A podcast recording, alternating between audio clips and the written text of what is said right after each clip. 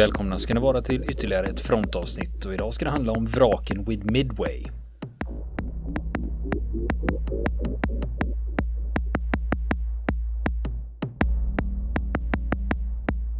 Och nu fortsätter vi prata om vraken vid Midway. Eh, och däribland då är ett amerikanskt hangarfartyg som heter Wasp som sänktes av en japansk ubåt i juli 42. Och det stora japanska slagskeppet Musashi, systerfartyget till Yamato, alltså de två som var världens största krigsfartyg. Och som sänktes då 1944, Musashi vid Filippinerna. Och sen ja, de har inte legat på latsidan kan man säga. För det, tidigare i år så hittade de USS Hornet. Ett av de här andra hangarfartygen som var med vid Midway.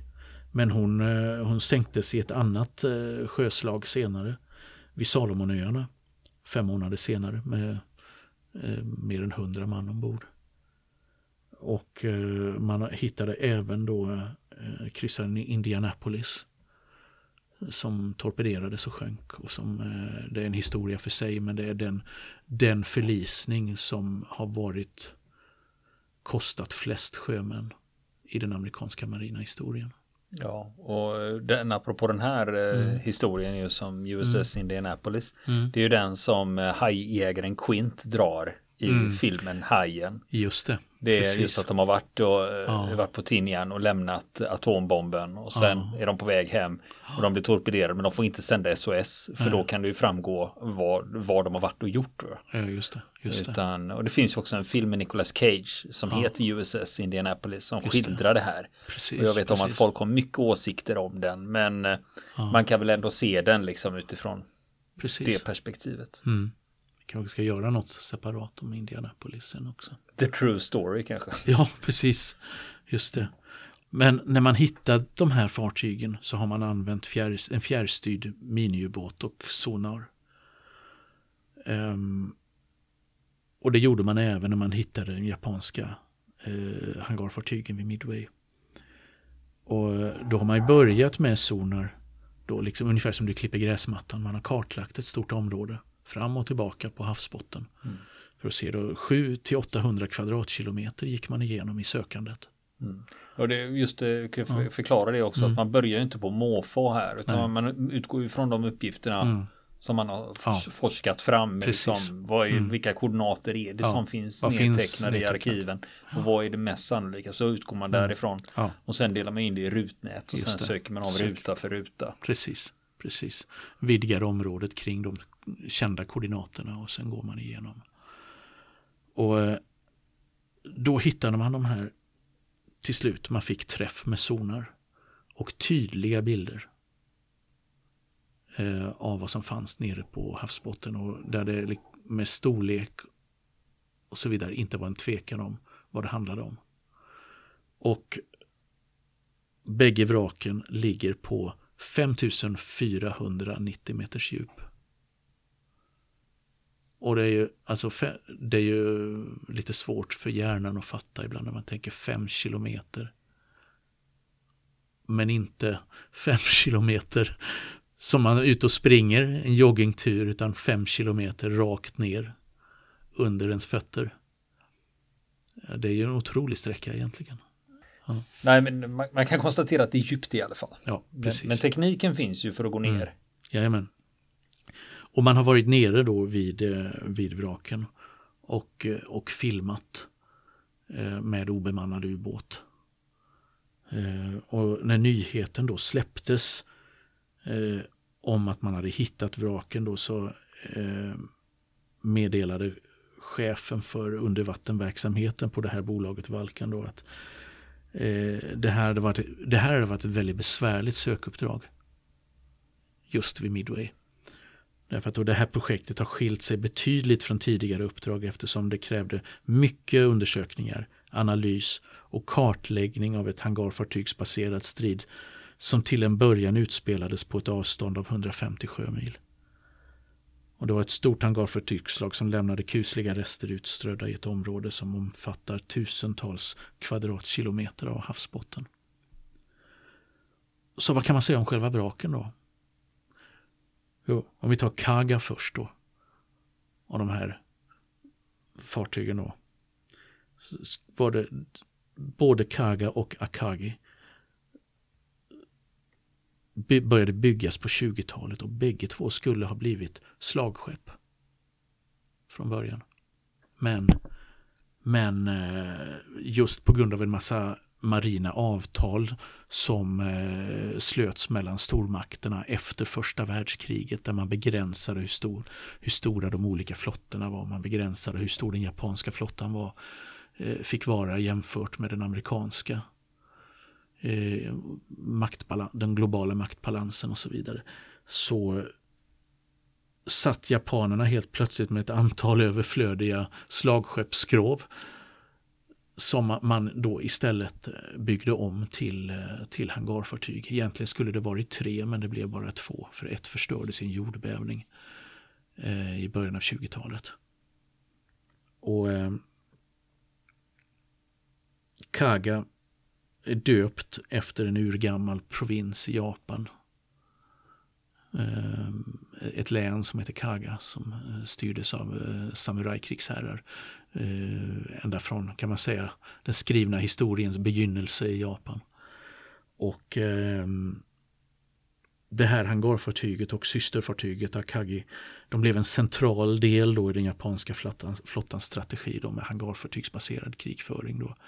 Och där man, eh, den japanska strategin gick ut på att man skulle klumpa ihop hangarfartygen eh, i en stor slagstyrka för att kunna skapa en väldig liksom, eh, övermakt i luften vid, eh, vid det mål man skulle angripa. Eh, lite grann då koncentration på samma sätt som tyskarna gjorde med sina pansartrupper. Fast här då med hangarfartyg.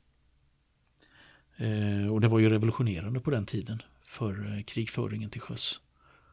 Ehm, just att flyget övertrumfade skeppsartilleriet. Mm. Men där har du en sån här klassisk mm. fråga som mm. dyker upp gång på gång i militärhistorien. Ska jag mm. koncentrera mina trupper så jag får bättre slagstyrka? Men samtidigt blir det mer. Det blir ett stort mål också. Ja, precis. Och det, och det, är ju liksom, Aha. på det viset skiljer sig inte det, den Nej. frågan när det gäller både sjö och landstrid. Nej, just det. Och flygstrid också för den delen. Nej, ett antal klassiska principer där då att ta hänsyn till.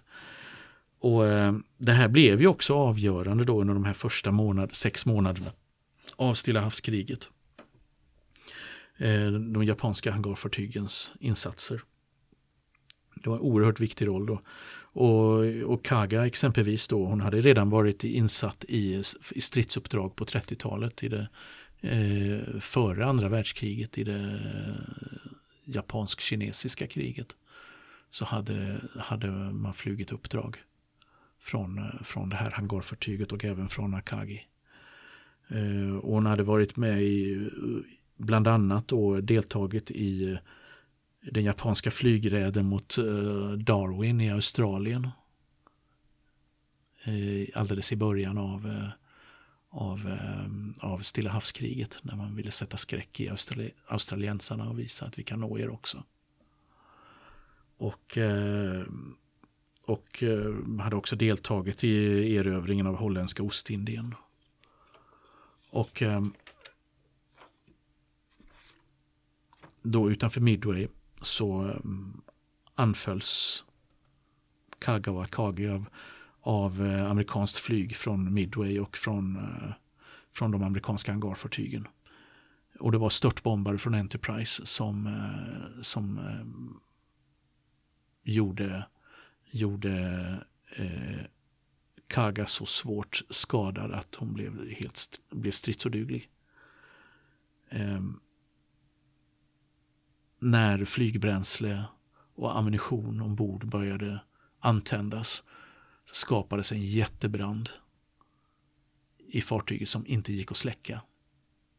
Och eh, till slut så blev man några timmar efter att eh, det här eh, fartyget hade träffats så beslutade man sig för att evakuera de överlevande i besättningen ombord på två jagare. Och sen lät man en jagare, en av de japanska jagarna helt enkelt torpedera det brinnande vraket för att sänka det så att det inte hamnade i fiendens händer. Och eh, man, har, man vet att över 800 sjömän och flygare följde med i djupet. Var en oerhörda förluster ombord på det här, den här hangarfartyget. De största eh, enskilda fartygsförlusterna under, under slaget vid Midway, det var ombord på Kaga.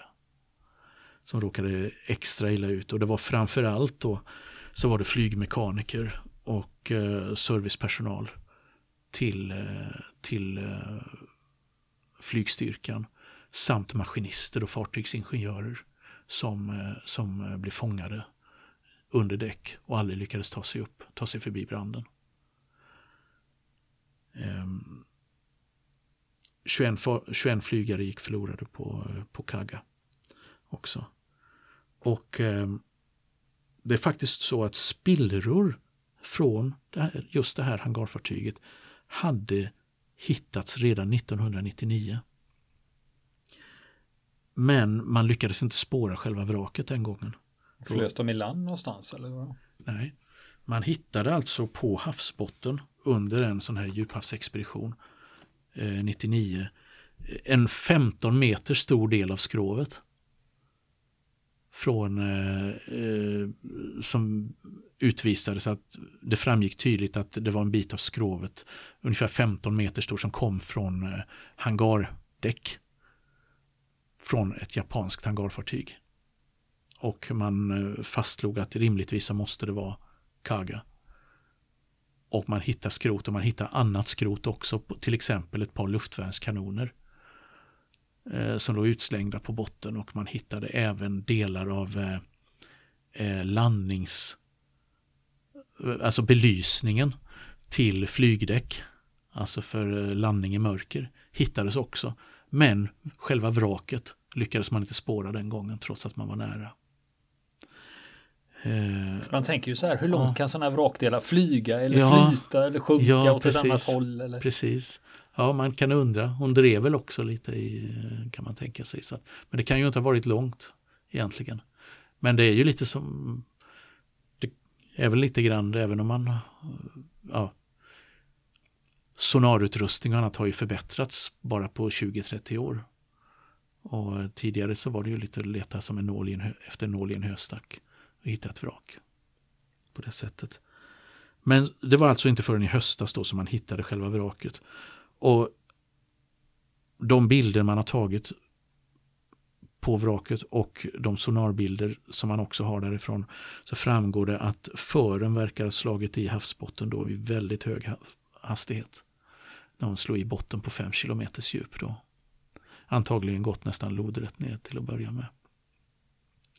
För att man kan se runt, runt eh, vraket så är det som en krater. Är det, eh, av, eh, av eh, efter nedslaget på botten. Och det ligger massor av spillror runt omkring då. Fören är begravd i bottensedimentet. Är den. Och eh, resten av skrovet ligger också ganska djupt i sedimentet. Ehm, och det mesta av överbyggnaden saknas på henne och det är svåra skador på, på flygdäck. Och som då utvisar den här massiva branden som var ombord. Då. Men, men ändå så är skrovet i stora delar intakt då. Och man ser fortfarande då på de här bilderna då kanoner som sticker ut i olika riktningar. Från, eh, från beväpningen ombord. Och eh, några dagar senare så hittades Akagi. Då, i, eh, lite längre bort i samma område. Och Akagi då, det japanska betyder Röda borgen. Gör det, och det är ett berg, det är ett, eh, namnet på ett eh, berg i Japan. Eh, som det här kommer ifrån då. Och precis som jag sa, det, det här skulle blivit ett stort eh, slagskepp eller en slagkryssare.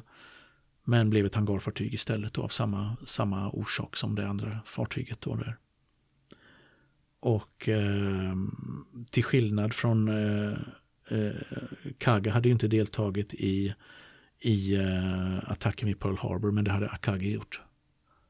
Så hon hade en historia därifrån och hon var även flaggskeppet då för hangarfartygsstyrkan under slaget vid Midway. Och eh, störtbombare från Enterprise hade skadat henne svårt då med en, en 400, 450 kilos bomb hade slagit mitt i flygdäck. Och en annan slog rakt ner i en öppen flygplanshiss. och eh, ställde till en fruktansvärd förödelse och också en eh, okontrollerbar brand ombord. Och hon kunde ju inte heller räddas. Och eh, amiralen då, Nagumo, han flyttar över på ett, eh, en kryssare i, i den övriga flottan och gör det till sitt flaggskepp. Och de som är kvar i besättningen evakueras och sen sänks även Akagi av en, av en jagare efter detta då, för att inte falla i fiendens händer. Och eh, när man har eh, studerat det vraket nu här under hösten så visar det att ja, hon står upprätt på botten. Ovanpå en hel hög bråte. Från spillror och annat. Och det går också att se att hon, eh, det hade gått fort när hon eh, slog i botten.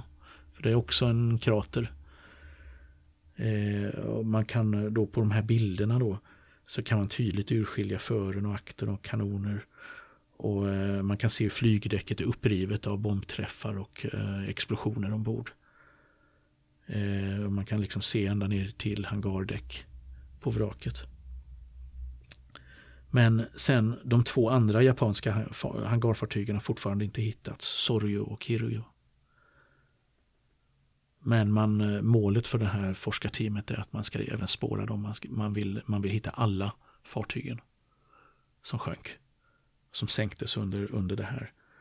Och, eh, och den här, eh, en man då, Michael Croft då från det här företaget Valken, då, han är lite talesman för dem då. Han har sagt att med varje spillra och fartyg som vi upptäcker och identifierar är det vår avsikt att hedra historien och de som tjänstgjorde och betalade det yttersta priset för sina länders skull.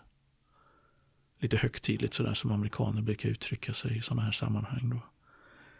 Eh, men det är inte tänkt tänkt att man ska gå ner med dykarexpeditioner och bara plocka grejer därifrån utan fartygen ska ligga där de är. Koordinaterna hålls hemliga, de exakta koordinaterna för att hindra eh, ja, oseriösa dykare från att, att gå ner eh, med, med eh, ja, egna ubåtar på de djupen. Och för att det här det är ju marina krigskyrkogården vi pratar om.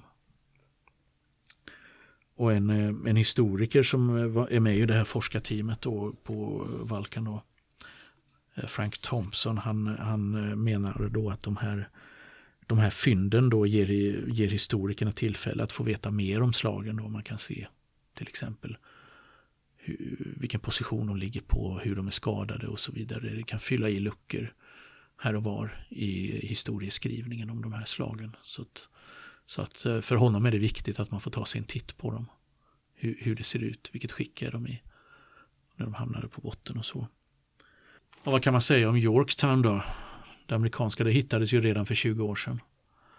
Då, och eh, ja, hon är re relativt välbevarad där hon ligger på botten. Och eh, också avlyst som krigskyrkogård. Eh, och man har inga planer på att utforska det fartyget närmare som det ser ut.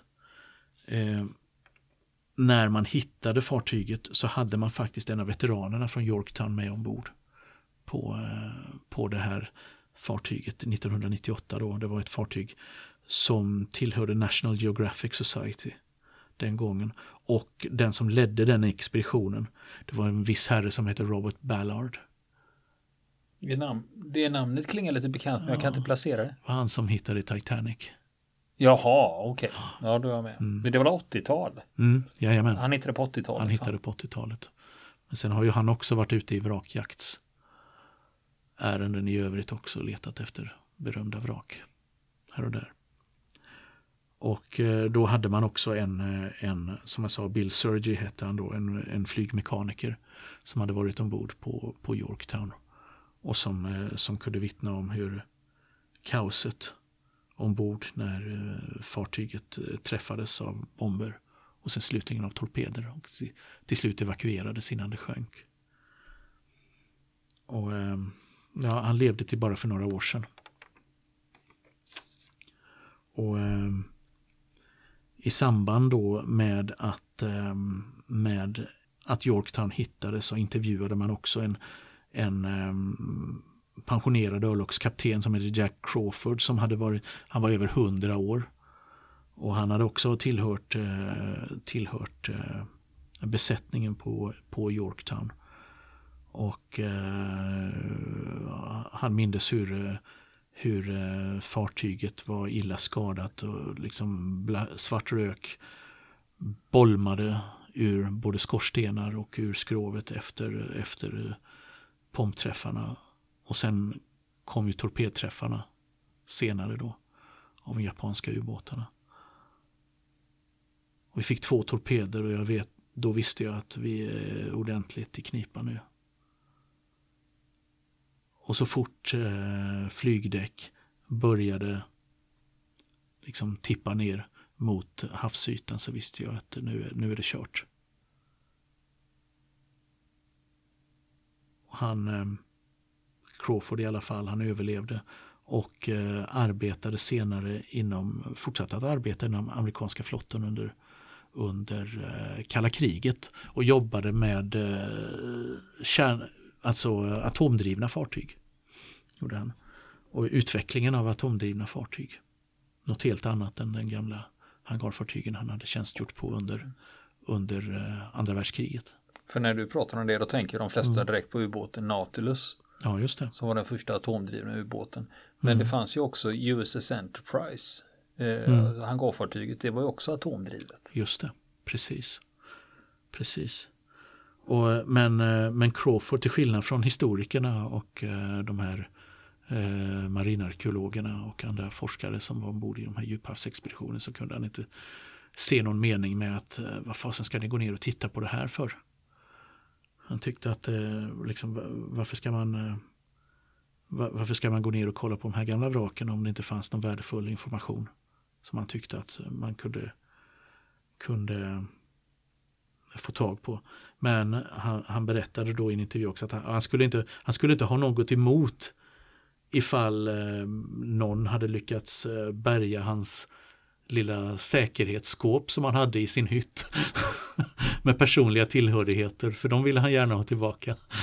När ni ändå är där kan ni inte passa där, på. Ja. Precis. ja. Så att så, sån, sånt är läget när det gäller, gäller de här djuphavsexpeditionerna. Och det dyker upp titt som tätt nya nyheter, speciellt i eh, engelskspråkiga nyhetskanaler om att eh, nu har det och det fartyget från eh, andra världskriget hittats. Och då är det de här ofta de här eh, marina forskningsexpeditionerna som, som just eh, Allens eh, forskningsfartyg här som, som ligger bakom de här upptäckterna. Och eh, man, å ena sidan kan man ju tycka som när överlevaren här gjorde att ja, vad är det för mening med det här? Och å andra sidan så kan man ju säga att det fyller ju faktiskt en viktig lucka i historieskrivningen när man får veta ja, exakt var ligger det. Det kan ju vara på något annat ställe än vad som framgår av den officiella historieskrivningen till, till mm. exempel. Men nu är de ute och letar efter två till. Mm. Letar man efter de andra så, fartygen också. Ja, precis. Och sen är det ju också svenska medier är ju måttligt intresserade av sånt här. Ja. Eh. Utan det är ju, man får ju följa BBC och CNN. Och, och lyssna på fronten. Då. Och lyssna på fronten också. Då får man veta, på så, veta sånt. Vill ni komma i kontakt med oss så kan ni göra det via vår Facebook-sida som heter Fronten. Det är inga problem för er att leta er fram där. Eller också så mejlar ni på vår mejladress och det är frontenpodcast.gmail.com.